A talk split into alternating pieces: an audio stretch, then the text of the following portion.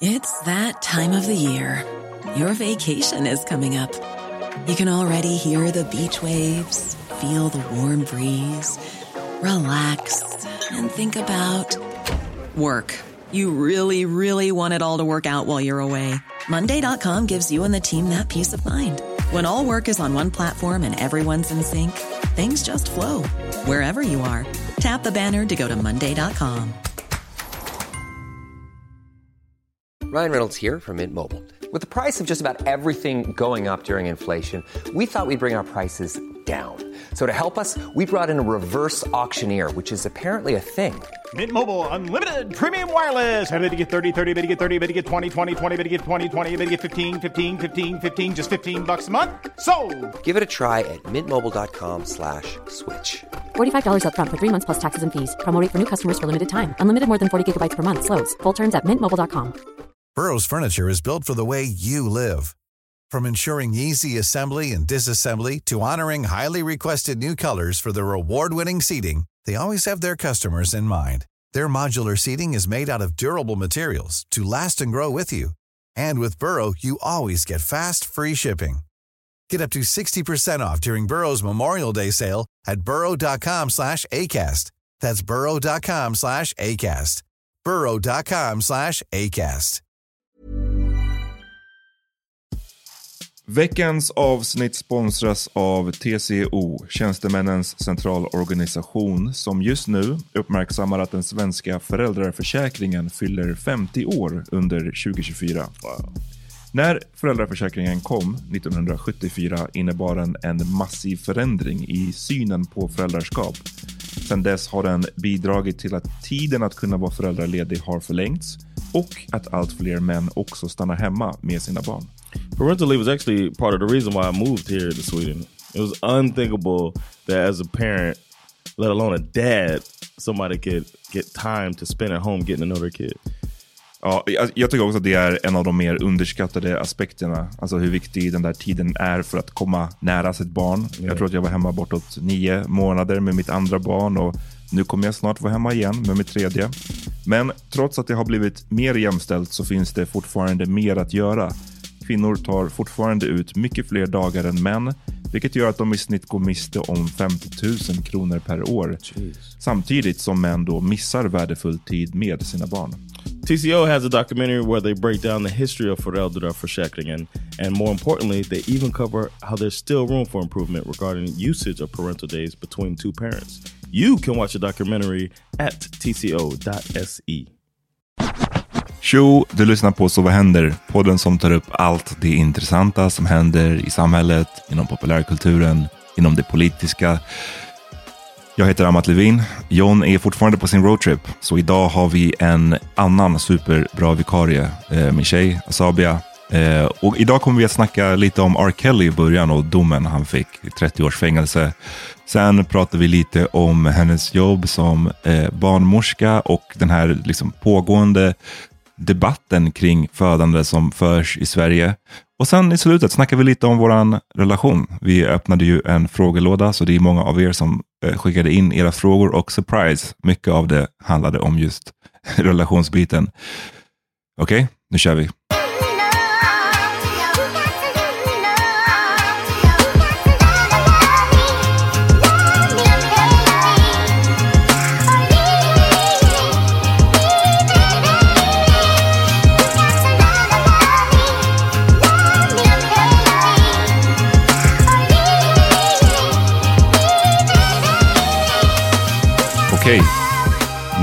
Avsnitt, ny vikarie. Hej. Min tjej, Lägger ner mobilen. mamman till mina barn, Asabia. Välkommen. Tack. Hur mår du? Uh, jag känner mig lite nervös. Eller? Jag kanske bara hittar på att jag är nervös. Uh, nej, jag, jag mår bra. Det, jag ska inte klaga, jag är lite hungrig. Är du hungrig? Ja, Jag kan inte det, skilja på, är jag hungrig eller är jag det nervös? är dålig eh, timing. Vi spelar in liksom tio över tolv på dagen utan Mm. lunch. Jag är en timme sen tydligen. Mm. Och du är sån som brukar bli väldigt liksom, jag tycker jag är ganska bra på att så här, tuffa på. Alltså Jaha. när man inte har ätit. Jag är bättre på det nu. Mm. Är du bättre på det nu? Ja, Än när då? förut. Alltså att jag kunde bli väldigt... Nu vet jag ju att jag behöver liksom ha en snack i fickan. Nu tog jag en liten snack Mm. för att man inte ska bryta ner. bryta samman. Mm. Vad, du, kom direkt, du kom från ett roligt möte sa du, men det är ingenting som du vill avslöja här, gissar jag. Ehm, jag vet inte. Det var ett möte om att ha en live-föreställning. Mm. Ehm, jag kanske inte ska säga så mycket. Jag har inte ens sagt om jag ska säga ja. Men, Men jag kanske står på en scen framför er i framtiden. jag tycker det var kul att de sa att de skulle kunna erbjuda en röstcoach. Sånt där är alltid kul när folk säger, du vet, man har inte, för jag, eller berätta, hur, hur var det den personen tog upp det? Liksom? Hon sa bara olika grejer som de kunde erbjuda. Och då var en grej så här, men ni kanske till exempel vill ha en röstcoach för att få hjälp med att få ut era eh, röst. Alltså det kan vara svårare att få ut sin röst på en scen. Mm. Hon sa att, ja, men ni har ju båda väldigt fina röster, men, nej, men hon försökte säga det på ett schysst sätt. Hon sa, eh, ni har ju båda väldigt fina röster, men de är ganska små. Och det kanske kan vara svårt på en scen. Mm. Och eh, ja, jag håller med. Du vet ju själv när jag ska försöka få uppmärksamheten av typ en servitör. Att det aldrig har gått. Nej, jag kan inte heller höra dig från liksom andra rummet. Om du är i ett Nej. annat rum och du ropar så hör jag ju bara så här. Jag- Jag har försökt, det är någon som har sagt till mig att jag måste använda magstödet. Mm. Det här. Ja, jag försöker, men det är Mm. inte så lätt.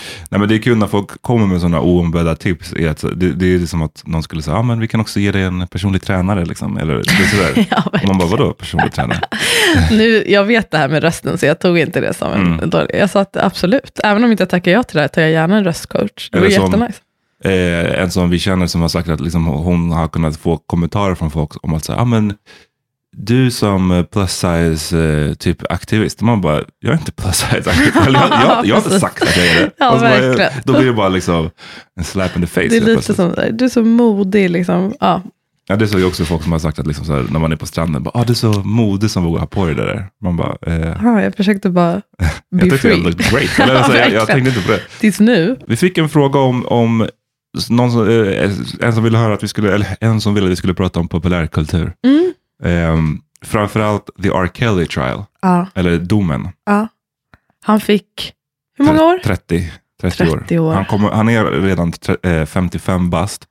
Så han kommer att vara 85. Alltså, jag, Ja. jag vet inte så om man kan säga garanterat att vad han kommer vara i för ålder om han kommer ut. För att ibland blir det så För att de får... och grejer. Ja, precis. Jag har inte koll på hur det där funkar i just hans fall. Liksom. Mm. Om han är eligible for parole och så vidare. Men visst har han också några andra rättegångar kvar, Ja, vad jag det. förstår. Så han, det kan eventuellt bli mer. Mm. Och han kanske också kan överklaga, så vem Mm. vet. Och så sa vår kompis Jakob att han också, det har också kommit fram att han är illiterate.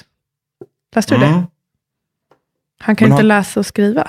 Ja, men det har väl varit känt ett tag jag för mig på grund av, det var några år sedan så var det en stor grej om hans eh, typ masters och hans eh, kontrakt och sånt. Att de Mm. är tydligen väldigt uppfackade. Att han inte äger mycket av sin musik själv. Och det har tydligen att göra med att han inte liksom kan läsa de här kontrakten. Och han har inte varit öppen med det kanske, för det är Nej, skamfullt. precis. Ehm, så att eh, det, ja, det gick häftigt. Men eh, Nej, men vad man tycker om domen. Alltså, om jag ska vara ärlig, det är lite problematiskt kanske. Men min första, jag tycker att han, absolut, han kan få vara i fängelse och han förtjänar sitt straff. Sen så kunde jag känna ändå lite sympati till viss del, bara att det är ett sånt jävla fall och bara att få en dom på 30 år, oavsett hur eh, vidrig man är, så hade jag någon Lite, jag tyckte typ lite synd om honom, man kanske inte får säga så, men jag, jag tyckte lite synd om honom, även fast jag tycker att han förtjänar ett hårt straff. Han har ju Ja. varit en vidrig person. Ja, mot men precis. På något slags, på något, bara på något slags mänskligt plan Ja. så kan man ju såklart känna så, men vilket inte tar ifrån eh, brotten han har gjort. Liksom. Nej, precis. Och jag vill ju ändå att han, jag tycker han ska straffas. Det är bara att jag, när man, alltid när man ser någon stå där och bara, du får 30 år. Det är så ofattbart. Det är ju liksom lika, det är hela mitt liv mm. i princip. Mm, det och tänk om inte den här dokumentären hade kommit ut. ah, shit Då hade han varit fri. hata den dokumentären och hon, kvinnan som, som eh, liksom drog igång den Ja. eller ledde den eller liksom producerade den. Eh, för att det var ju han, Det var ju den, annars hade det nog inte blivit. nej jag Någonting. tror typ inte det, för det, den triggade ju verkligen igång allt det här på nytt. Eh, det finns ju, det har, hans eh, fall har ju liksom gått upp och ner genom åren. Men kom ihåg hur det var, alltså, när man var yngre, då Mm. skojade man ju. Alltså, det var ju lite så här, hans lilla egenhet. att han gillade. Och, Ja, men hur unga. mycket visste du, när, om du tänker tillbaka när du själv var ung, hur mycket visste du? För det som kom fram i dokumentären var ju på en annan nivå Ja, än det, det men man det visste. visste jag ju inte om. Men bara Nej. när det här kom ut med den 14-åriga flickan, hon var 14, va? 15 har jag för mig. 15-åriga flickan som han kissade på det. Och det tog jag i alla fall nog inte på tillräckligt stort allvar då. Alltså jag, kommer, jag tänker direkt på typ Chappelle och Mm. att man skojade ganska mycket om det. Ja, men att han var lite weirdo freak liksom. Mm. Ja, jag vet inte. Och nu ser man ju att det är eh, fruktansvärt. Jag tänkte nog inte på det som fruktansvärt Nej. då. Men också för att det var liksom toppen av ett eh, isberg, eller vad man säger. Mm. Det, för jag kommer ihåg att när det där kom ut, det var väl början av 00-talet, då var jag ju själv, jag var väl, man var liksom jämngammal med den här tjejen. Mm. Exakt, och jag tyckte ju typ att jag var vuxen då Mm. också. Jag tror att det spelade in. Mm. Men jag kommer ihåg att man då också bara, det, det avfärdades ju väldigt snabbt det här med att bara säga, okej men, ja, hon var 15 men han visste inte. Hon hade sagt att hon var 18. Ja, just det. Och, och, och att liksom, den förklaringen var som att den gällde, den tog bort liksom allting. Förstår du Mm. vad jag menar? Att så här, ja, men hon hade väl sagt, eller jag vet inte om det ens är sant eller inte, men det var Nej. det som var storyn i alla fall, att hon hade haft en fake ID och var 18, eller låtsats som att hon var 18, och, men egentligen var 15. Och hur skulle han kunna veta det? Nej, precis. Och därför är det, så det var inte, det var inte liksom, man, man Han tänker, problematiserade inte det så Nej. jättemycket. och jag menar, fan, man var ju själv ung, så vi Mm. kanske inte skulle ha varit de som skulle ha problematiserat det. Men, men man tänker samhället att så här, okej, men säg att hon var 18 då. är det fortfarande liksom, är det inte Hur någonting... gammal var han då? Ja, men han var väl liksom närmare 30 i alla fall, eller så här, 29, Ja. alltså way äldre. Och eh, ändå skumt att hålla på och pissa på någon, så här, ett fan. Alltså inte för att kink alltså man kan men väl, jag precis, man kan väl pissa på någon. Och det är bara väldigt viktigt att de är med på det. Ja, men liksom själva maktspelet eh, eh, Ja, precis. mellan en Om stor du- artist och... Och en jätteung tjej i Ja, alla fall. jag Han det. borde kunna ana. Ja. Eh, och sen det här med att han gifte sig med Elia. Mm, det blev ju också, för min del, alldeles för lite reaktion på det. Det var också bara lite så här, jag vet inte om man ens visste om det var helt sant eller inte. Mm. Men det ryktet fanns Det ju hörde där. man ju också när man var skitung. Ja, Och att hon då var väl också, var hon också 15 eller 16 eller något sånt där. Hon var ju liksom ja ett var bra jätte... bit, eller var hon ännu yngre? Jag kommer inte ihåg nu the deets. Nej. Men hon var i alla fall en bra bit under 18. Ja, hon var en bra bit under 18. Jag, jag vill säga att hon var typ 14, men jag kan ha fel. Och Men, de, eh, ja. Det var ju speciellt. För det, då vet han ju hennes ålder. Liksom. ja, och det framgick ju väl, i, om jag minns rätt, i den här dokumentären sen, att han hade, de hade liksom gjort ganska mycket jobb för att fejka hennes, eh, om det var hennes ID eller någon form av record, för att de skulle kunna möjliggöra det här giftermålet. Mm. Men Jag, vet inte, jag tror inte jag visste alla sådana här detaljer då. Det var bara Nej, någonting man, man- hörde lite i periferin. Men, men, men, precis, men poängen är väl detsamma, att det kom ut. Och sen så kom jag, liksom, så att man har vetat om någonstans den här, hans fäbless för alldeles för unga liksom, flickor. Mm. Och sen kom jag ihåg att det, mm, det här kanske var så att början av 2010-talet, att det kom ut en till story, det var liksom mer i, en, i ett tidningsreportage, där mycket av det här med att han brukar också cruisa runt på McDonalds och sånt där. Ja, Hänga på. McDonalds här, mittemot the, the high school. Mm. Och liksom gå i the malls och, och så här, försöka plocka upp tjejer. På Jag vet inte om jag trodde på det här. Jag tänkte Nej. bara, det här kanske bara är rykten. Mm. Jag, tror, jag vet inte, jag, jag trodde nog kanske att det var lite mer rykten. För att i början av 2010, där, alltså det var ju typ när vi först började träffas, då minns jag att jag och Opo, vi ville så gärna gå på hans konsert. Han är ju flygrädd tydligen, så det är så svårt att ha, se honom, men han gjorde lite kryssningar. Just det, en cruise i Ja, Bahamas den ville vi. Mm. jättegärna gå på.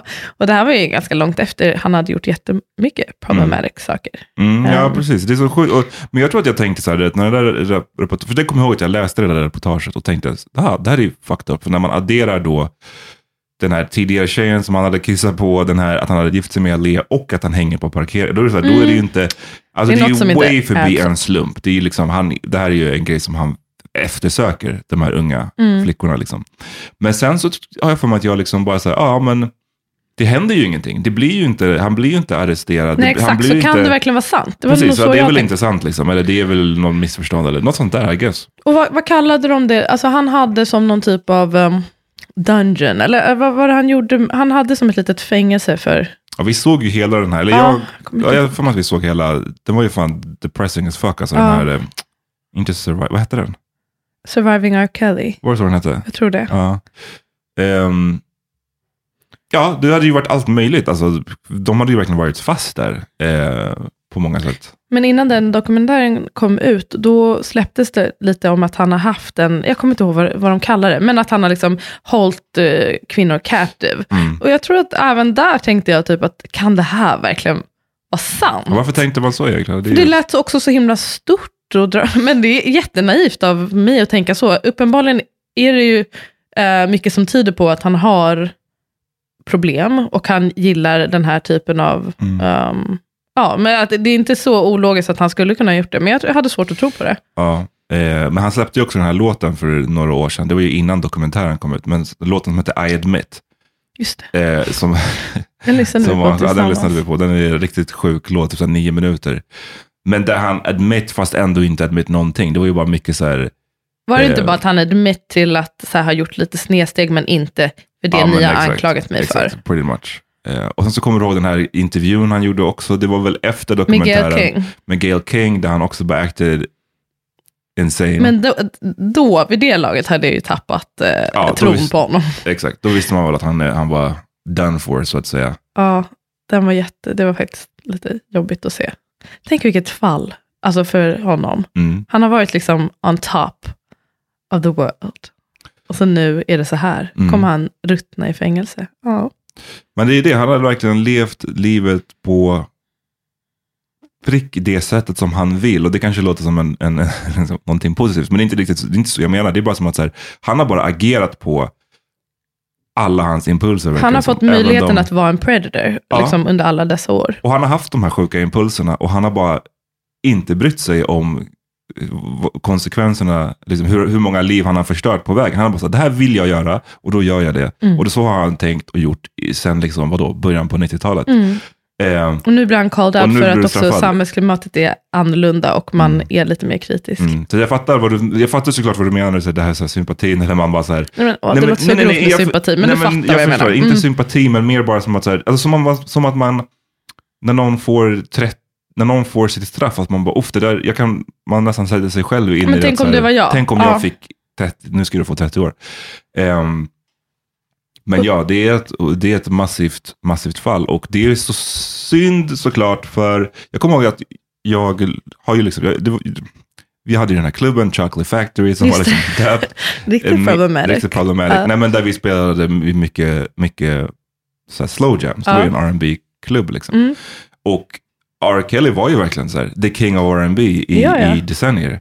Och jag hade ju jättemycket R&B eller R. Kelly-låtar på min liksom, playlist. Ja, ja. För jag har varit ett fan av R. Kelly sen, Jag med.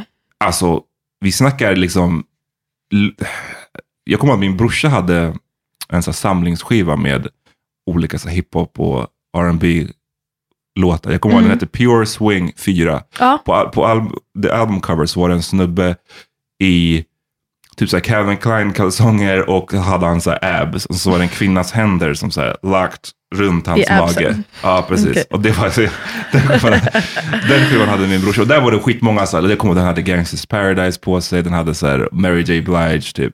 Och Mm. där hade den någon R. Kelly-låt. Eh, så, så, det här, den kom ut, låt säga så här, 94. Så, så i alla fall sedan dess har jag varit som att, okej, R. Kelly är tung. Jag bara säga, Mm. Kommer du ihåg också AJ, Another, nej, det, är inte, det var Alia kanske som hade Ja, AJ. men han, han skrev ju den åt henne. AJ Ah. Nothing but det, är också. Mm. det är många red flags. Ja, verkligen. Verkligen många. All up. undrar om han upplever, han kanske på riktigt tycker att han är oskyldig.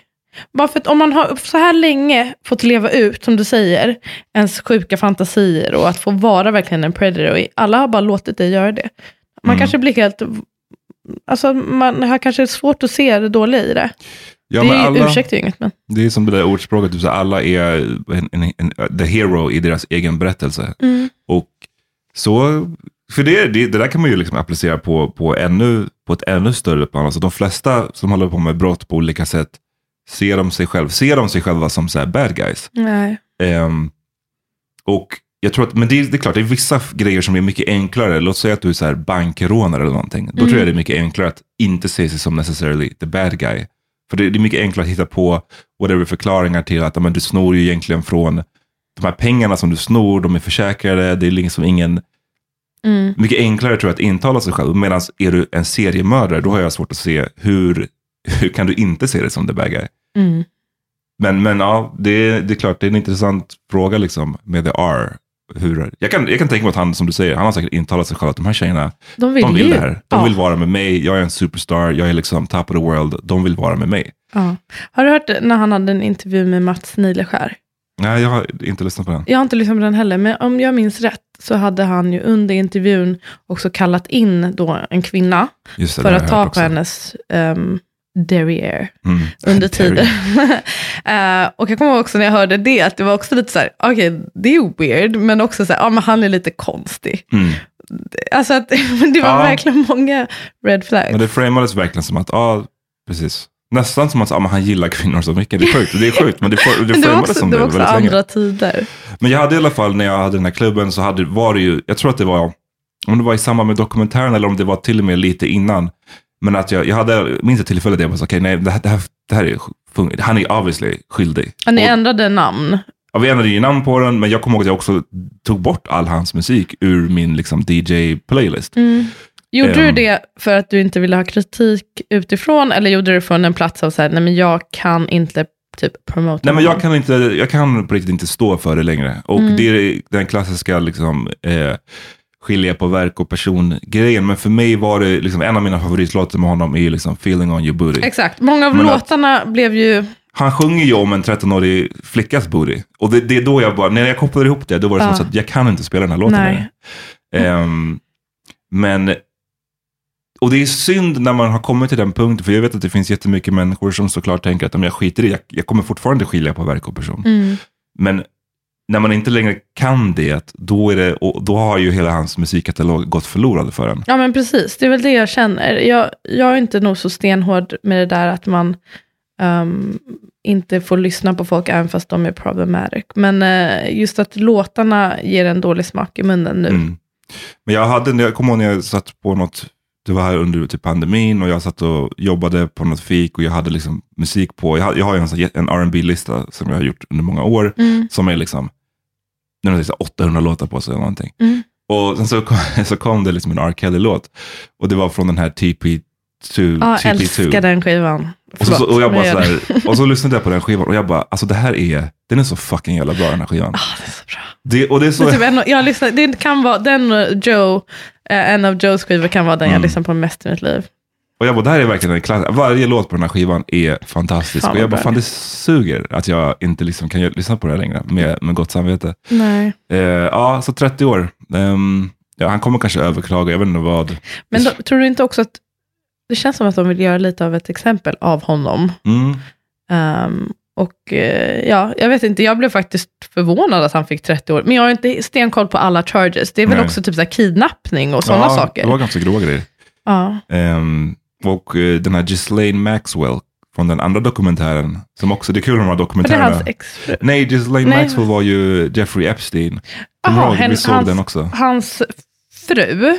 De var väl, var, Eller- var det fru? Hon var, var inte någon här associate typ? Eller var de inte så här älskare och slash business partners? Eller, Jaha, någonting? eller så var de, jag kommer inte ihåg, det kommer var ett par år sedan den ihåg. Ja. dokumentären gick. Men Hon hjälpte honom i alla fall med att fixa precis, ehm, hon var ju den som verkligen så här vaggade in många av de här tjejerna i någon slags lugn liksom, innan hon delivered dem till Då kanske de inte var gifta. Nej. Ja. Ja, Men vad, vad hände med hon henne fick då? ju 20 år nu eh, också. Hur kommer det gå för. Kelly i fängelset? Jag tror det kommer gå ganska bra. Tror du? Fast samtidigt, ja. Ja, Det beror på liksom, om han är considered som en rapist i fängelset eller inte. ja. För rapist brukar väl inte... Nej, precis. Rapist och också om det var lite yngre, en- alltså yngre barn, Mm. så tror jag inte det hade gått hem. Men eh, jag tror han kommer klara sig helt okej. Ja, Mm. alltså gud. Vilket jävla, jävla fall. Ah, gud, jag får lite ångest när jag tänker på Jag får bara ångest när jag tänker på att folk är i fängelse så, himla, så där länge. Alltså jag kan, inte, jag kan inte tänka mig in i när man får ett sånt, och du redan är 55 bast och du vet att så, jag kommer vara 85. Alltså mitt liv, jag skulle ju bara känna så, mitt liv är ju basically, nu är det ju över. Ehm, Nej, men jag får på riktigt ångestpåslag när jag tänker på det här. Mm. Alltså att man inte, skulle man consider ta livet av sig kanske, men jag men, tror det, det. det är inte så lätt, så kan man ju lätt att säga, att säga, men man mm. eh, skulle kanske inte göra det. Man kan väl leva ett liv i fängelse också, men helst inte. deppigt. Eh, vi tar en liten reklampaus, sen är vi tillbaka med lyssnarfrågorna. It's that time of the year. Your vacation is coming up.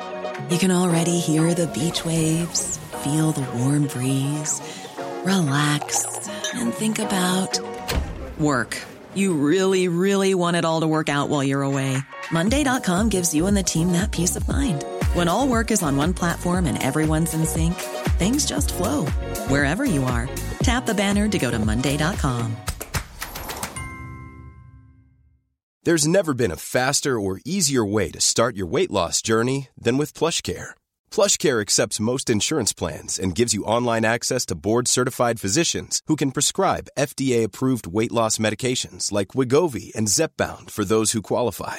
Take charge of your health and speak with a board-certified physician about a weight loss plan that's right for you. Get started today at plushcare.com slash weight loss. That's plushcare.com slash weight loss. plushcare.com slash weight loss. Hey, it's Ryan Reynolds, and I'm here with Keith, co star of my upcoming film, If, only in theaters, May 17th. Do you want to tell people the big news?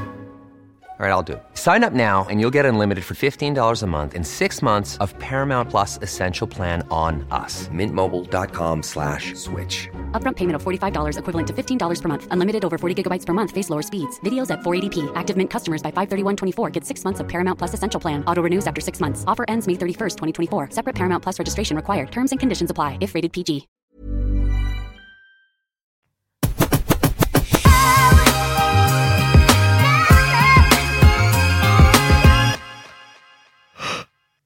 Oj, gäspningar. Nej men jag har kul, jag lovar. Nej, jag var, du, vi vaknade ju ganska tidigt idag.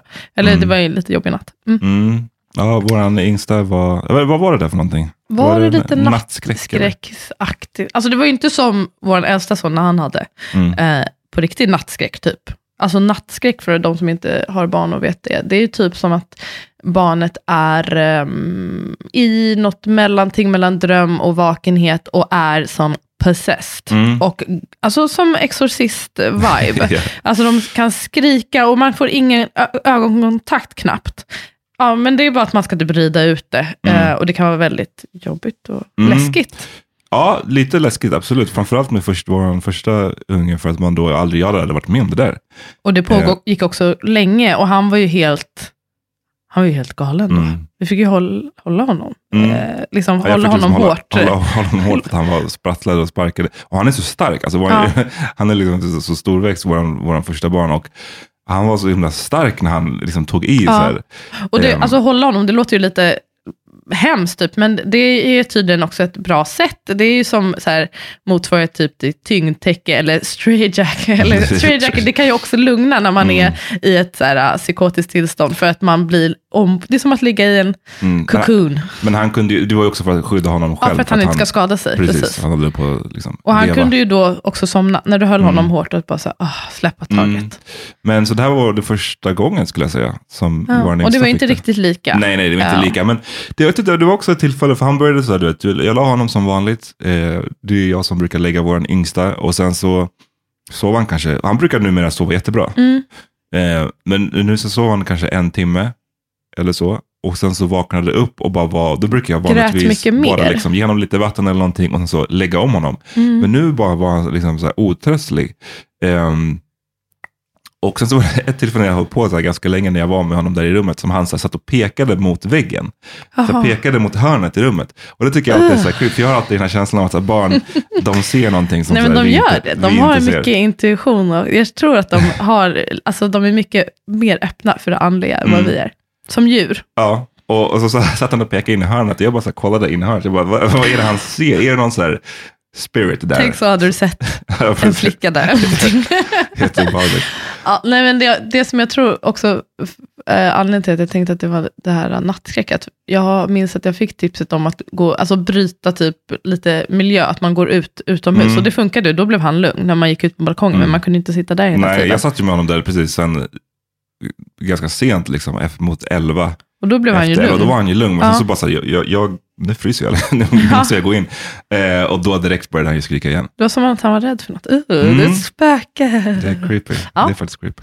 Så därför Eh, gäspade jag. Men ja, ni hade ganska, ganska många frågor. Mm. Ehm, ska vi se, undrar vilken vi ska börja med. Ehm, vi hade en fråga som var så här. Vad ägnade du din tid åt, alltså det här är riktat till dig, Mm. eh, innan du blev influencer? vad, vad var du för person då? Eh, alltså, jag vet inte, jag, jag, tror inte att jag, är en, jag tror inte att jag är en annan person bara för att jag nu också jobbar med Instagram och är quote on quote influencer. Men däremot har ju tiden gått och man förändras eh, som person Mm. på massa andra sätt. Men vad jag ägnade min tid åt, alltså för de som inte vet så har jag ju ett konto på Instagram som har ganska många följare och det har det haft de senaste typ fyra åren. Um, i samtidigt som jag blev barnmorska typ, så började jag skriva om barnmorskerelaterade grejer och graviditet och så. Mm. Och det blev poppis. ehm, och det var ju inte en tanke så att bli stor på Instagram, men det har kommit lite ehm, som en välkommen bonus. Men det jag gjorde innan, det, det kom alltså i samma veva där en massa annat nytt hände i mitt liv. Jag var ju gravid med vårt första barn, jag, hade precis, eh, jag skulle precis bli klar med barnmorskeutbildningen. Så ja, det jag sysslade med innan, det var ett helt liv innan dess när jag skulle hitta vad jag ville syssla med i livet. Mm. Ehm, och jag hade inga barn. Vi, vad gjorde vi då? Vi festade och Mm. hade det härligt. ja, det var lite annat, annat Det var liksom liv. ett helt annat liv. Så det, det hände väldigt mycket under den perioden. Och det har hänt väldigt mycket under de här senaste fyra åren. Mm. Vad jag var för, person, jag tror att det kanske du kan svara på också. Men eh, jag tycker de senaste fyra åren har man utvecklats mycket. Jag tycker att jag känner mig tryggare i mig själv. Mm, det tycker jag Eh. verkligen. Alltså tryggare, lugnare i, Ja. i ditt inre, eller vad man ska säga. Ehm, Jag var lite, hade lite så här ångest, mer ängslig förut och lite Mm. osäkrare. lite mer sökande kanske på något Mm. sätt. Ehm, men det är svårt. Alltså det var, är det, kommer det av bara liksom ålder? Kommer det av att man blir förälder? Kommer det av... Det är, säkert, det är väl en kombo liksom av allting säkert. Jag tror det verkligen en kom. Dels att jag hittade liksom en, ett yrke som jag verkligen tycker om och typ Mm. brinner för och som känns väldigt lyxigt. Och sen så att det också utvecklas till någonting som jag inte ens hade tänkt att det skulle bli och som jag tycker är jättekul. Eh, det tillsammans med att ha fått eh, våra två barn Mm. och att vår relation har ju också utvecklats och blivit väldigt stabil känner jag. Och, ja, men, och sen så att man blir äldre, Mm. det är ju underbart. Det, är, vad tycker du när folk säger, kallar dig för en influencer? Jag tycker det är lite jobbigt. Men vad Varför? ska man göra? Alltså det, Vad är det du tycker är jobbigt med det? för det är så töntigt. Det är ju det. Alltså att vara... Man, har, man gillar ju inte, alltså gillar någon en influencer? Man stör, man stör sig på det. Och sen så kan jag också tycka att det är lite förminskande, men eh, alltså, i och med att jag är också mycket annat. Jag är också eh, barnmorska, ehm, som jag har spenderat väldigt mycket tid att utbilda mig till. Mm. Men jag får ju också skylla mig själv lite. Jag gör betalda samarbeten titt som tätt och um, är verksam på, på Instagram. Så jag fattar, alltså, om man tänker influencer i den bemärkelsen att man påverkar folk, Mm. så är jag förstås det. Jag vet att jag gör det. Men influencer tycker jag är ju liksom ett, det är ett värdeladdat ord. För att påverka folk, det, man kan ju påverka folk på... Influencing. Ja, alltså jag, jag förstår liksom var ordet kommer ifrån, men, men det har ju blivit att vara en influencer är ju, och som du säger, jag håller med om att så här, de flesta skulle jag säga har en negativ bild av influencers. Mm. Ehm, eh, det är liksom, jag tror inte att de flesta tycker att så, åh, influencers adderar jättemycket till samhället. Nej. Ehm, men Ja, och jag kan ju tycka att jag skiljer mig kanske lite, eh, eller inte så lite heller, men från alltså, att vara bara en influencer, om man ska säga. Alltså, Mm. Jag tycker att jag gör så mycket annat och därför kan jag känna att det låter lite förminskande. Men för du var, ju- gjorde ju en intervju med Svenska Dagbladet nyligen, Mm. där de, ehm, Det störde jag mig. Ja, eller säg, där ja, de, men där rubriken var typ så här, vad fan var det? Någonting, Kvinnor vänder sig till influencern typ, Ja. för att förbereda sig för sin förlossning, eller något sånt där. Mm.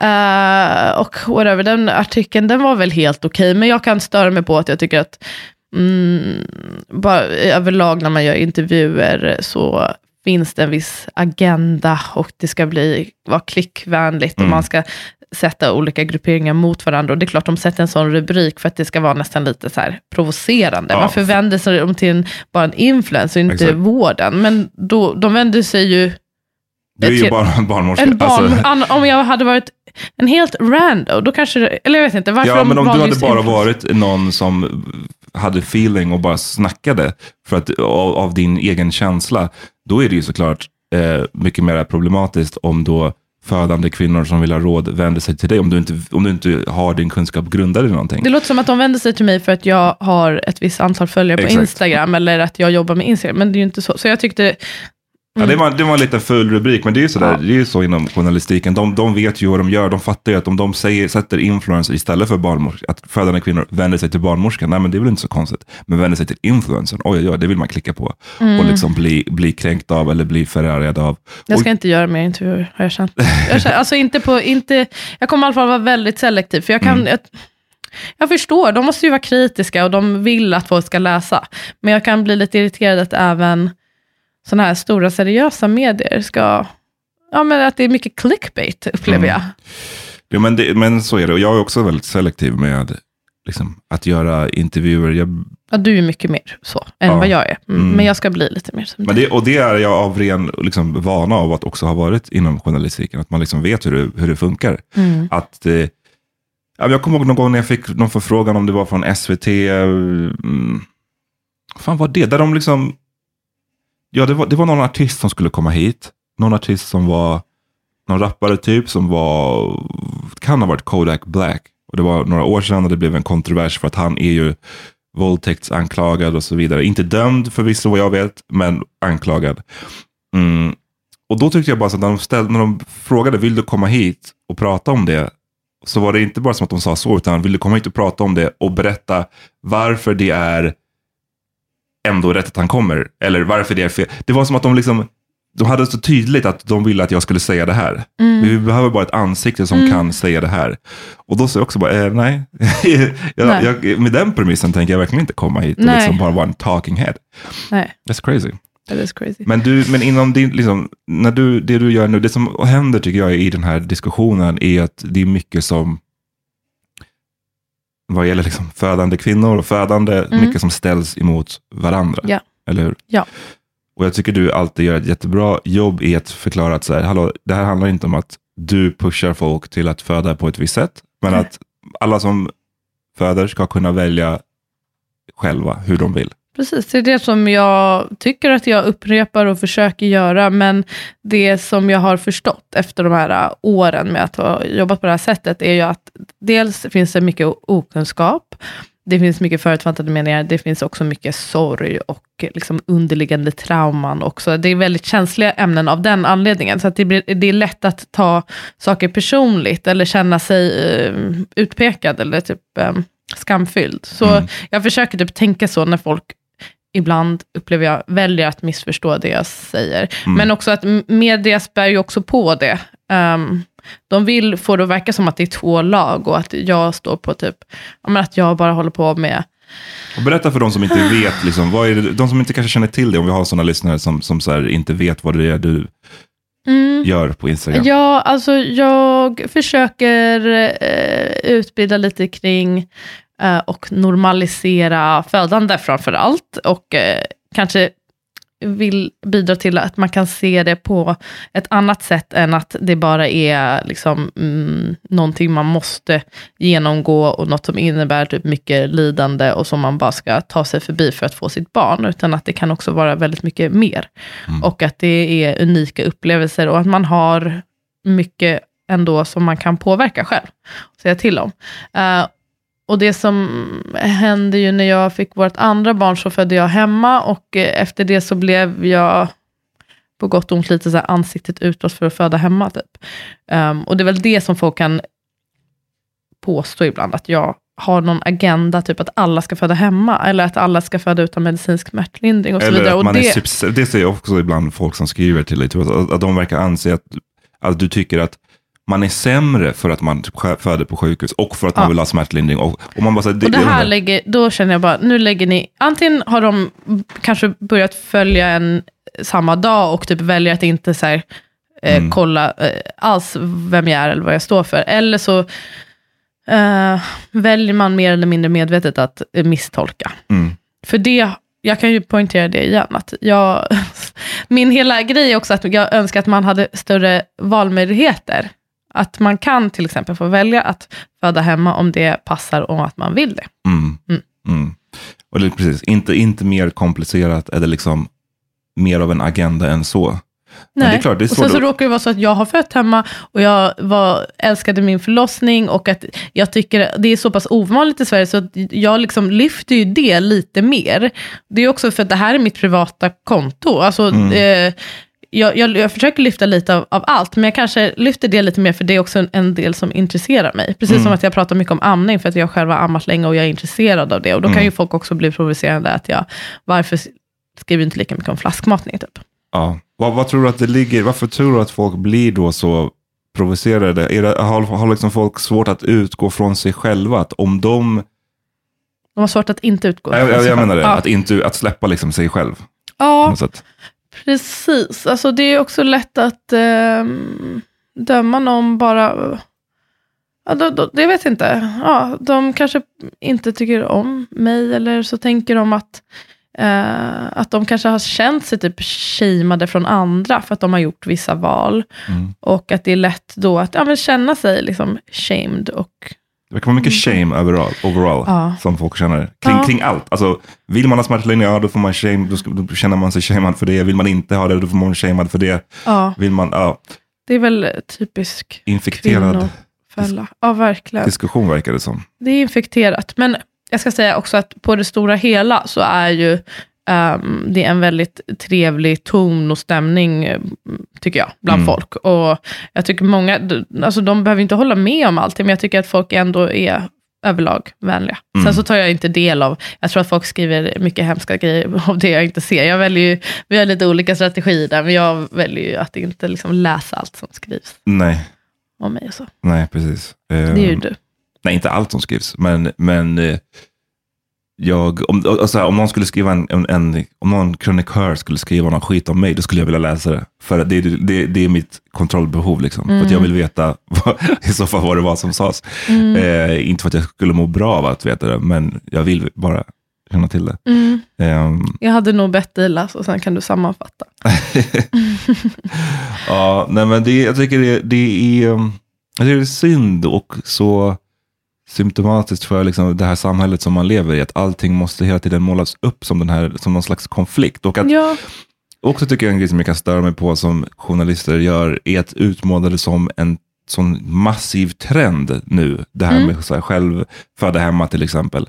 Att nu är det en, så här, oj, en trend som sveper över Sverige. Här, det är det väl inte? nej. För Alltså, det finns en handfull personer som har gjort det och valt att prata om det. Så, eller hur? det Nej, blir inte det, en trend alltså, det. tvär, tvärt emot så är det en trend åt motsatt håll. Alltså att det blir en ökad medikalisering i förlossningsvården. Eh, så det är inte en trend. Eh, jag vet inte varför. Ja, det är väl för att det låter spännande att de säger så. Men det är, nej, det är inte en trend. Däremot att många av oss som eh, har blivit liksom lite större på Instagram som skriver om de här typen av frågorna, har väl lite mer det där tänket om att man vill ha möjligheten till hemfödsel eller barnmorskeledda enheter, eh, prata mycket om liksom, mm, hur man kan förbereda sig och så vidare. Så det kanske är det de menar. Men det finns kanske en anledning till att det är just vi som också, alltså folk verkar ju vara intresserade av att lära sig mer om det. Mm. Ta makten över sin födsel och så vidare.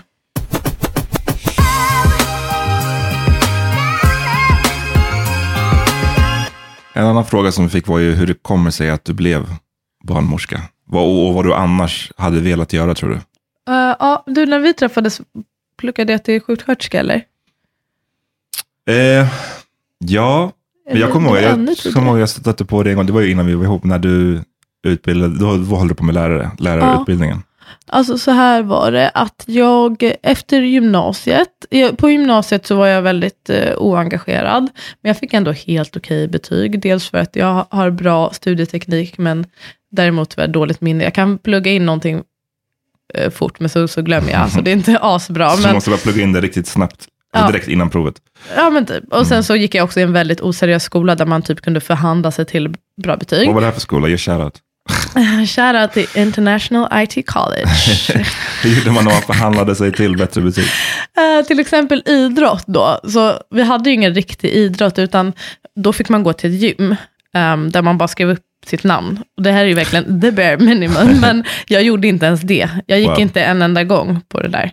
Och jo, och så skulle man också göra ett fystest en gång per termin. Där vi fick, det var enda gången man fick träff, var sin idrottslärare. Jag gick inte heller på det, jag skolkade på det. Så jag liksom har alltså 0% attendance. Mm. Men då ringde jag till idrottsläraren och sa bara, snälla, kan inte jag få uh, godkänt?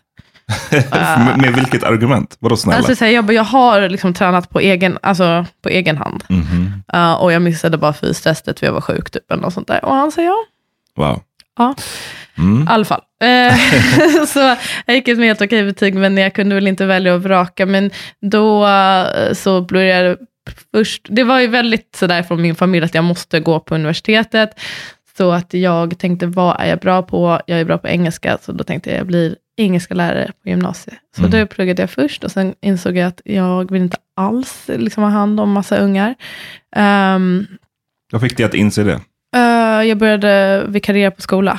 Mm. Och kände, alltså vet du hur, har du varit vikarie på skolan någon gång? Nej, faktiskt inte. Nej, men jag, ärligt, det, det finns inga jag är mer imponerad av tror jag, än lärare. För barn kan vara riktigt eh, hårda och elaka. Vad var det för ålder på barnen? Jag skulle ju bli gymnasielärare, men den som jag vikarierade för, som, den högsta åldern var åtta år. Mm. Det är också så här.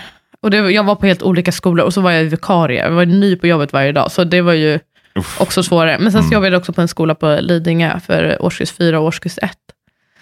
De kunde också vara riktigt elaka. Alltså mot Små. dig, eller mot, var det så svårt Mot att få mig. mot dig? Vad sa de då? Eller vad gjorde Typ de? jag kommer ihåg en sjätte, eh, en som gick i sex års, um, två tjejer kom fram till mig, de var typ så här, de populära tjejerna. Bara, eh, vi vill bara säga att det är många som inte gillar dig. vi tycker om dig, men bara, typ så, här, bara så du vet, är det många som inte gillar dig och säger att de inte gillar dig. Wow. Manipulativt. Ja, verkligen. Och det var så här, ja, det var speciellt att höra sån sak. Men också att de kan vara, det är liksom bråkigt i klassen och de lyssnar inte, eller ska typ skratta åt något man säger, sådana här Jag saker. kan tänka, du är också så ung liksom. Jag är också så ung och Mm. att jag kände inte dem så bra. Och jag hade inte alls någon pondus på den här Nej, tiden. du, det är din röst igen. Och min röst. Och jag tyckte inte det var så kul. Men eh, det kanske hade varit helt okej idag. Men eh, jag kände då att det inte var det. Men då skulle jag eh, bli läkare, tänkte jag. Som min pappa. Mm. Eh, och då pluggade jag naturvetenskapligt basår och gjorde högskoleprovet typ 45 gånger. ehm, och det gick helt okej med det, men jag kom aldrig hela vägen fram. Och under tiden tänkte jag att jag ska plugga till sjuksköterska och så fortsätta liksom på banan att bli läkare. Ehm, men under sjuksköterskeutbildningen så började jag jobba som undersköterska på förlossningen. Och då insåg jag att det är med de här människorna Mm. jag ska jobba. Läkargrejen, Mm. var det, var det bara så att jag ska gå i min pappas fotspår? Eller mm, var kom den ifrån? Eller var det för att det är statusen i det? Att, för, så det, är Det- sånt som du har sagt förut med att de flesta, om, du, om man pluggar till sjuksköterska så Mm. kan folk säga att ah, du borde bli läkare istället. Ja, men så, det var ju nyligen som en taxichaufför sa det till mig, att så här, jag borde bli läkare istället. Man bara, okej. Men du då? Ehm, du då? Verkligen. Ja, nej, men jag tror att det var dels eh, hemifrån för att eh, jag har sett min pappa, hur han jobbar och han älskar ju, älskar, älskar sitt jobb och, och jag har varit med honom mycket. Det är liksom lite andra tider då och min pappa är också lite så här free spirit. Eh, så jag fick ju följa med honom ofta på jobbet och följa med honom på rond och så. Det Mm. tror jag inte folk gör. Nej. Eh, Men att jag fick se- honom prata med patienter och det var nog mycket det. Att så här, han verkar tycka att det här är så kul och det var intressant. Så det vill jag göra. Plus att det är ju ett ansett, väl ansett jobb och jag tänker att mina föräldrar båda skulle bli stolta över mig. Det lå- låg säkert lite i det. Mm. Men sen så när du jobbade som undersköterska, vad var det då som fick dig att säga, ah, men fan, det är det här jag ska, mer det här jag ska Um, hålla på med? Får jag ha mina fötter på bordet? Mm. Eh, ja, alltså dels tyckte jag att, att det, jag är intresserad av det man håller på med, alltså med kvinnokroppen och att förstå den. Eh, och jag tyckte om det här med att, att man jobbar med någonting så himla intimt, att man slängs in i typ de intimaste delarna i någons liv och de, man kan vara med och påverka på ett väldigt stort sätt. Det kändes viktigt. Man eh, mår ju bra av att dels känna att ens arbete är viktigt och känna att man gör skillnad. Så det hade väl dels med det att göra. Men jag tyckte också barnmorskor eh, hade lagom med ansvar. Um, jag, tycker inte, jag tycker, kan tycka att läkarna har kanske lite mer ansvar än vad jag hade velat ha, men sjuksköterska kanske lite för lite. Att man får Mm. ändå jobba ganska självständigt. Och så tyckte jag att de var så himla, de hade, många barnmorskor hade sån pondus och Mm. kände sig väldigt stolta över sitt jobb. Det var det som lockade tror jag också. Och då tänkte du, okej, barnmorska. Ja, det var också sen ett bra mellanting. Jag kände mig helt nöjd om också att inte var läkare, för jag, jag hade då också fått se lite mer hur läkarna jobbar och det tilltalade inte riktigt mig. Vad var det som inte tilltalade dig med det? Eh, till exempel då på förlossningen så tyckte jag det kändes väldigt tråkigt eh, att bara komma in när det eh, blir, går dåligt eller är komplicerat. Eller går dåligt kanske man inte ska säga, men alltså när man måste rädda situationen. Det, det tilltalar nog många, men det tilltalar inte mig. Eh, jag tycker om också att jobba lite mer med det friska. Mm. Och sen så tyckte jag att de kunde ha det stressigt på ett sätt som inte heller jag längtade till. Mm. Men du var, jag kommer ihåg, du var ju när, som sjuksköterska, då får man ju pröva på lite, är det så att man får pröva på lite olika avdelningar på något sätt? Eller, för jag kommer ihåg Ja, när du var på ortopeden. praktik. Då jobbade jag på ortopeden. Du jobbade på ortopeden, det här var Mm. väl ett par år sedan? Ja, det var mitt första jobb efter sjuksköterskeutbildningen. Ja, just det, för man utbildar sig till sjuksköterska och sen så jobbar man ett tag innan man får bli barnmorska. Det finns inga regler så, men man, eh, man vad heter det, sållningen liksom för barnmorskeprogrammet, då går de efter de som har jobbat längst. Mm, så okej. har man inte jobbat någonting så ligger man lägst i Mm. rank. Men i min klass så var det en som bara hade jobbat en sommar. Var det, någonting, var det någon annan så här sjuksköterskedel som du tyckte var rolig? Förutom barnmorskeriet? Eller någon som du tyckte, eller alternativt någon som du sa, uff det här, absolut inte den här biten. Jag kommer ihåg att jag tyckte om när vi var på BVC, alltså barnavårdscentralen, och fick jobba med de här uh, bebisarna. Och då hade jag också behövt i och för sig en vidareutbildning. Men det var väl kul. Jag gillar också att jobba med äldre. Eh, inte på demensboende, då mådde jag fruktansvärt dåligt. Varför? Eh, det var min första praktik. Jag vet inte, vi, så vi var ihop då? Ja, Nej? Jo, du och ditt minne. Ja. Jo, men jag, jag tror att vi var, vi var ihop. Jag kommer ihåg att du, du blev typ, alltså du tog med dig det där, det där jobbet hem liksom, på något sätt. Ja, men jag blev väldigt skärrad, för jag var också, ja, men jag var ganska ung. Jag har aldrig ehm, varit nära någon som är döende eller som är gammal och liksom bor på äldreboende eller dement. Man ser ju inte dement, de är ju inlåsta ofta. Har du träffat någon, har du umgåtts med dementa personer? Nej. Nej, och då att komma till ett, ett liksom, hus fullt av dementa som vissa mår väldigt dåligt och är väldigt ensamma. Det var, det var som att öppna upp en ny värld som jag inte var riktigt redo för. Och att man också mötte döden för första gången, det var lite omvälvande för mig. Men jobba med gamla, eh, typ geriatriken hade jag kunnat göra. Mm. Mm. Och, Ortopeden var också helt okej. ja, där var, var, jobbade du där under vintern? Det är fan att det var så jävla Då mycket var det då. jättemycket, folk halkar ju. Eh, så fort det blev is, då hade vi så mycket att göra för folk halkar och bryter benen. Och inte bara liksom gamlingar, utan alla möjliga. Alla möjliga, ja. Shit alltså, det Nej men det var mycket, ja det är lite jobbigt. Jag kan tycka faktiskt det är lite jobbigt när folk har ont. Inte när de föder barn, så tycker jag inte det är jobbigt direkt. Och sen när de har ont, men den här, så här brutna bensmärtan ska man tvätta dem när de har, innan man har lagat med, då måste man tvätta dem inför op, kommer jag Mm, ihåg. Och det tyckte jag också var ganska jobbigt, man måste vända på dem, man vet att de har typ brutit deras höft. Också på gynavdelningen, det tyckte jag var jättekul. Mm, det hade jag kunnat göra igen. Mm.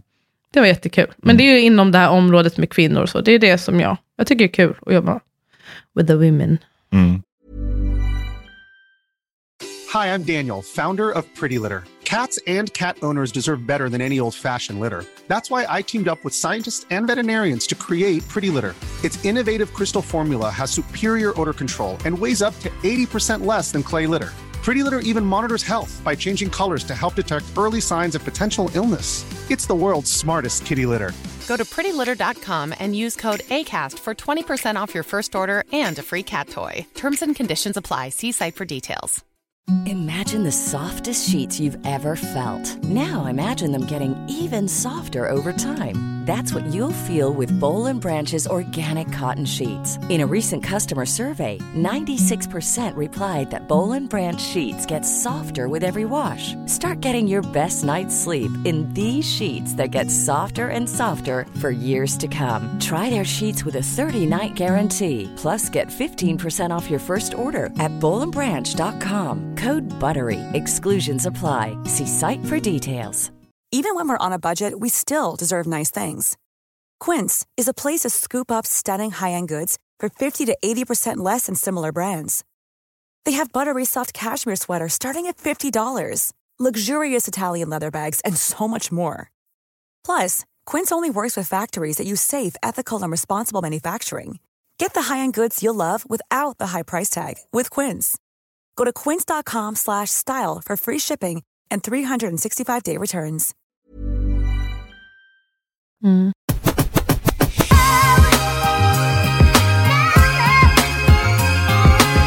Vi har fått eh, många frågor om vår relation. Eh, Mm. vi kommer, Hur, hur bekväm är du med att prata om den? Eh, Du gillar inte att vara privat. nej, Är jag känner bara mind your business. hörni. Ja, varför bryr ni er? Eh, Nej, men jag, men- tycker, jag att höra folk prata om sin relation, så jag förstår verkligen. Ja.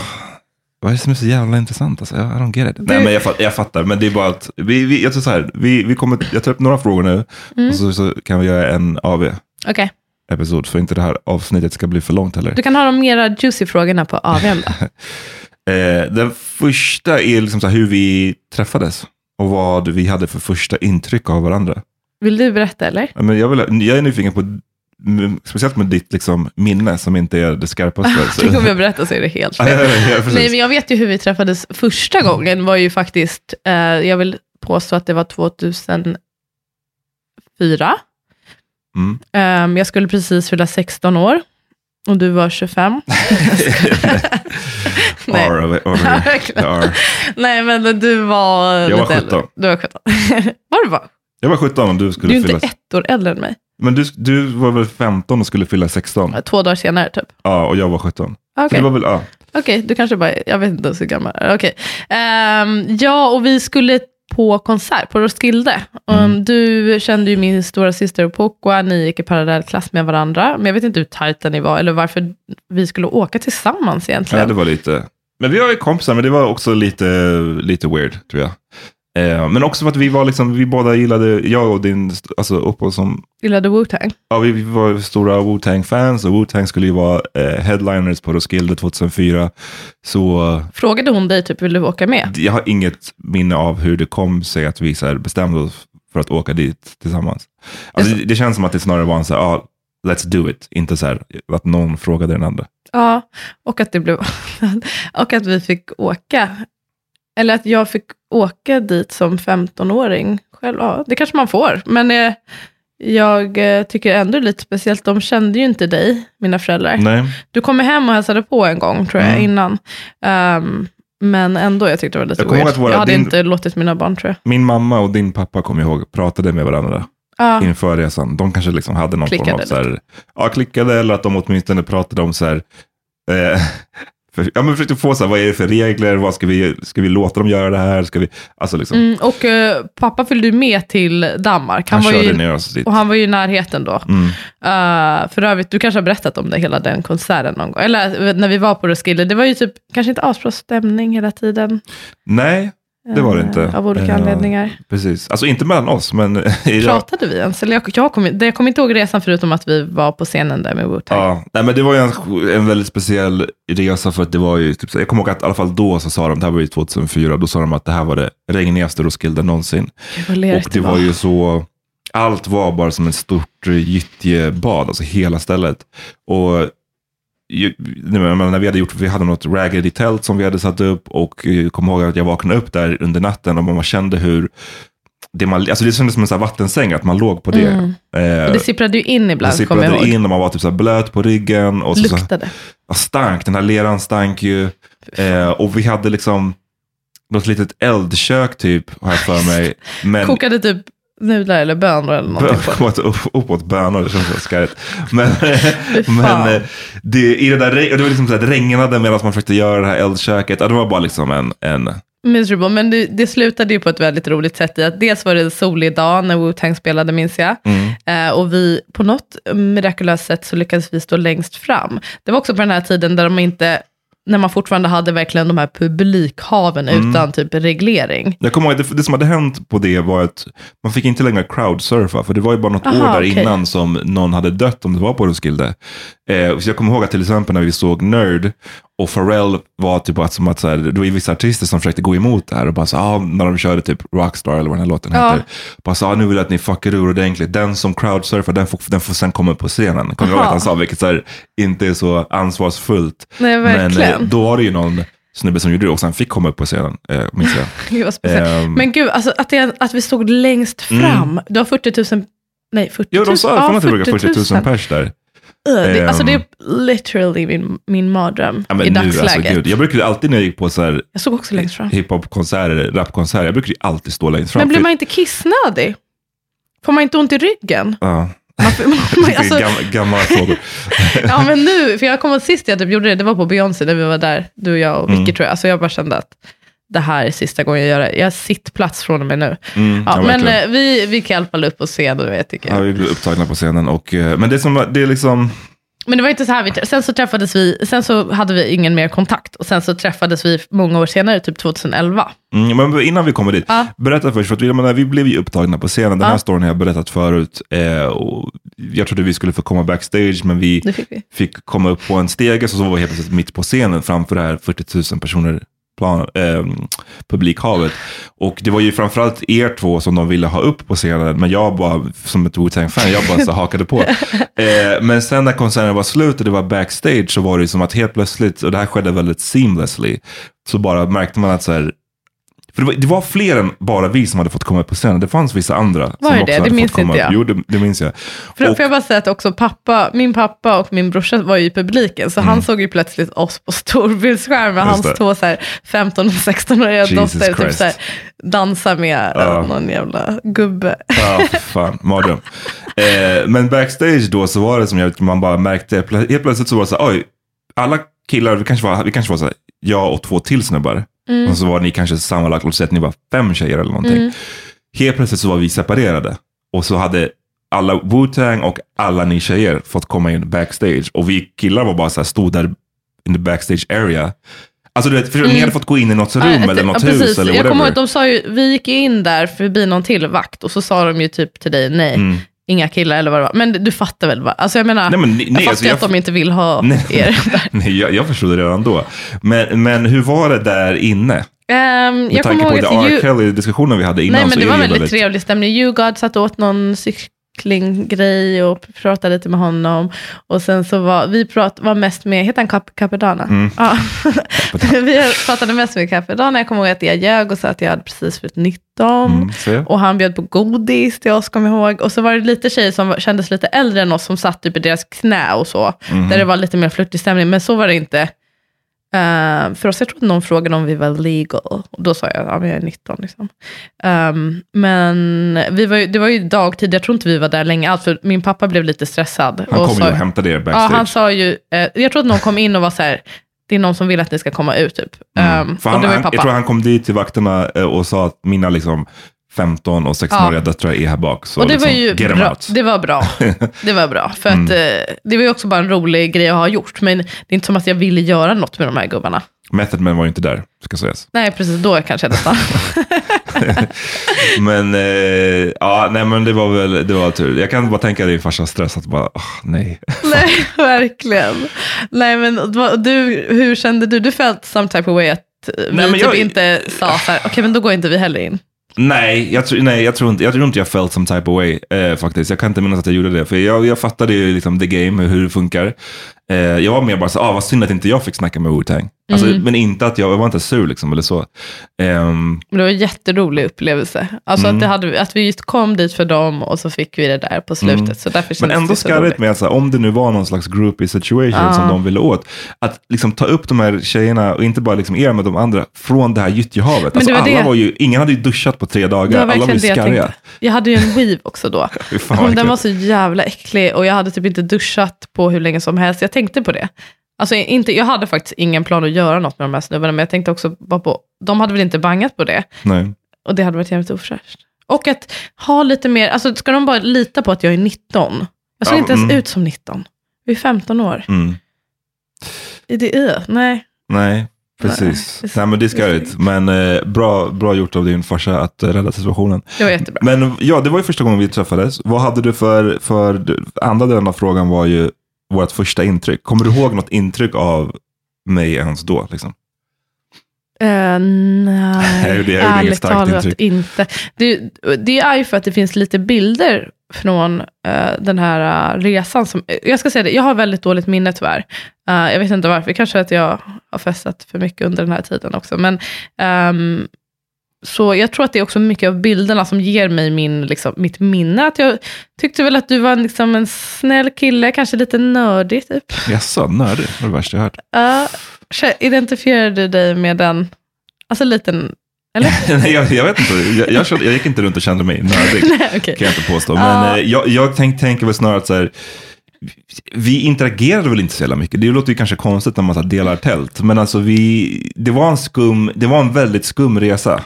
Ja, Eh, för det var också lite konstigt. Det, blev, det var en skum Stämning. mellan mig och din storasyrra. Mm. Så här, vi, var vi var typ Ni hade tjafsat. Ja, det var lite så här tjafsig stämning typ. Och jag kommer ihåg att jag också hängde Själv. själv mycket. Dels att jag gick Surprise, på så här, surprise. så här, surprise. Dels att jag gick på massa konserter som kanske ni inte ville gå på. Mm. Men sen så träffade jag på, jag hade några så här, eh, klasskamrater som också var där. Eh, som man träffade på, så hängde med dem lite. Mm. Så att jag körde liksom ett eget race och sen så ibland så sammanstrålade vi. Men jag kommer heller inte, jag kommer ihåg att jag tyckte du var snygg. Vilket Mm. jag, tyck, jag tyckte. Eh, och, Och du tycker igen- även nu. Ja, vilket, men också igen, jag bara understryka, det åldersskillnaden var inte, för det låter så äckligt så här, att du var, du var 15 och skulle fylla 16, men jag var också, jag var också ung. Ja. Men ehm, det var också typ mitt enda, lite mitt enda intryck. Jag hade inte så här supermycket intryck av dig heller. Nej, liksom. och jag tror att, precis, jag minns liksom inte att vi pratade så himla mycket. Jag vet att jag, på, vi har ju bilder med varandra där det ser ut som vi har roligt. Vi typ Mm. har rökt lite kanske, eller något Mm. sånt där. Eh, det, ja, jag minns inte så mycket, men sen så, så hade vi ju inte kontakt sen. Det var inte som att vi blev vänner efter det. Vi träffades ju sen nästan tio år senare, eller 2011. Ja, så och- vad är det? Sex, sju år senare. Och då var det ju för att du och min syster tog upp kontakten och så kom jag där. Mm. Och då tyckte jag ju att du var snygg. Då tyckte du inte jag var nörd längre eller? Lite nördig, men Fan, vad var det, vad var det för nördigt jag gjorde? det kanske är för att du är smart typ. Kanske det som jag associerade. För du, det, jag kanske, att du inte var liksom en bad boy, quote on quote. Mm, Alltså jag hade mm. kanske haft lite sådana snubbar. Eh, Alltså lite mera, ja men att du var smart typ och hade ett jobb. Jag vet inte. Mm. The Det- bar. Ja, the bar. ja, ehm, och ja, så hånglade vi en gång på Spybar. Mm. And the rest is history. Rest is history. Mm. Ehm, jag ska bara se vad den där frågan egentligen... Ja, ja, men det var, det var, det var så vi, vi träffades. Sen så gick det, kommer ihåg, efter vi, vi hånglade på Spybar. För då hade vi, liksom, jag och din storasyrra hade tagit upp kontakten och vi hängde lite grann eh, liksom, som vänner obviously. Mm. Och sen så var du med några gånger och det var liksom inte Det var direkt, ingen grej då. Det var ingen grej så. Eller så, tänkte du? nej, du- jag, tror, jag tror inte det. Jag För det var tänkte- du som liksom kysste mig. Nej, det var du som gjorde det på mig. Nej, det tror jag inte. Det tror jag. jag verkligen, ja, jag, jag, jag litar inte på mig själv, men jag har verkligen minne av att du Ja, okej. leaned in. Int- interesting. Okej. Jag kommer inte, jag kommer, ja, det var, det var en, vad ska man säga, dim, dimma den kvällen. Ja. Eh, det var ju liksom sent på Spybar. Ja. Men sen kom jag ihåg att vi, sen gick det ett tag, sen så gick vi på liksom en dejt. Oj, så vi hånglade först. Sen så gick vi på um, Barbro där i Hornstull. De, de, på den tiden, det är en restaurang som hade en bio Mm. eh, där nere. Just det. Ja, Jag kommer ihåg vi såg någon på bio. fransk film, jag kommer inte ihåg vad den handlade om direkt. Men, med, det var lite stelt på den. Ja, men det är ju sådär första dejten. Mm. Alltså vi hade ändå en del att prata om, men det var lite pirrigt. Alltså, det var så också konstigt när man hade hän- hängt lite som kompisar och sen Ja. plötsligt skulle vi så här, nu går vi på dejt och ser om det här är något vi kan. Exakt, exakt. Precis. Så det, där, det där var ju, det där, det, precis, det är exakt det som jag tror så här, försvårar en sån situation, att gå från semi-kompisar, eller så här, bekanta till att försöka dejta, versus att liksom, det, man träffar någon, alltså framförallt nu med så här, Tinder, där det är att liksom, man, man vet att båda verkligen vill Mm. dejta på det här, ja, du fattar. Ehm, Och sen så tog det ett år innan vi blev mm, tillsammans. det snackade jag ju om för, på något avsnitt för ett tag sedan. Liksom Mm. att det var mycket fram och tillbaka och från ditt håll framförallt. Eh, Mm. och för att jag var så nördig. Eh, nej, Ja, men, lite. nej, men att vi också hade ju eh, båda varit i relationer. Precis, och det var in, inte att du var nördig, men det hör, hör nog lite ihop med det att du inte var alls svår. Eh, och, och det är ju att man själv har lite issues. Liksom att man inte, att, man, att jag kanske hade blivit mer attraherad. Man säga. Det hade nog varit lättare om du var svårare. Alltså att man vill typ bli avvisad. Alltså jag vet inte. Det, det, att du, kanske var för intresserad av mig då, i början. Det var ju när du sen tappade in, intresset för mig. Eller när du sa typ att nej men nu orkar jag inte Fuck mer. Ja, fuck it. Då. När jag blev svår, Ja, det var då du blev intresserad igen. det är så speciellt att man är sådär. Intressant hur det, hur det funkar. Ja. vi, ska, vi, ska vi sätta paus där så kan vi ta det till en AV-episod. Vi har ändå spelat in en timme nu. Åh gud, vad länge. Mm. Mm.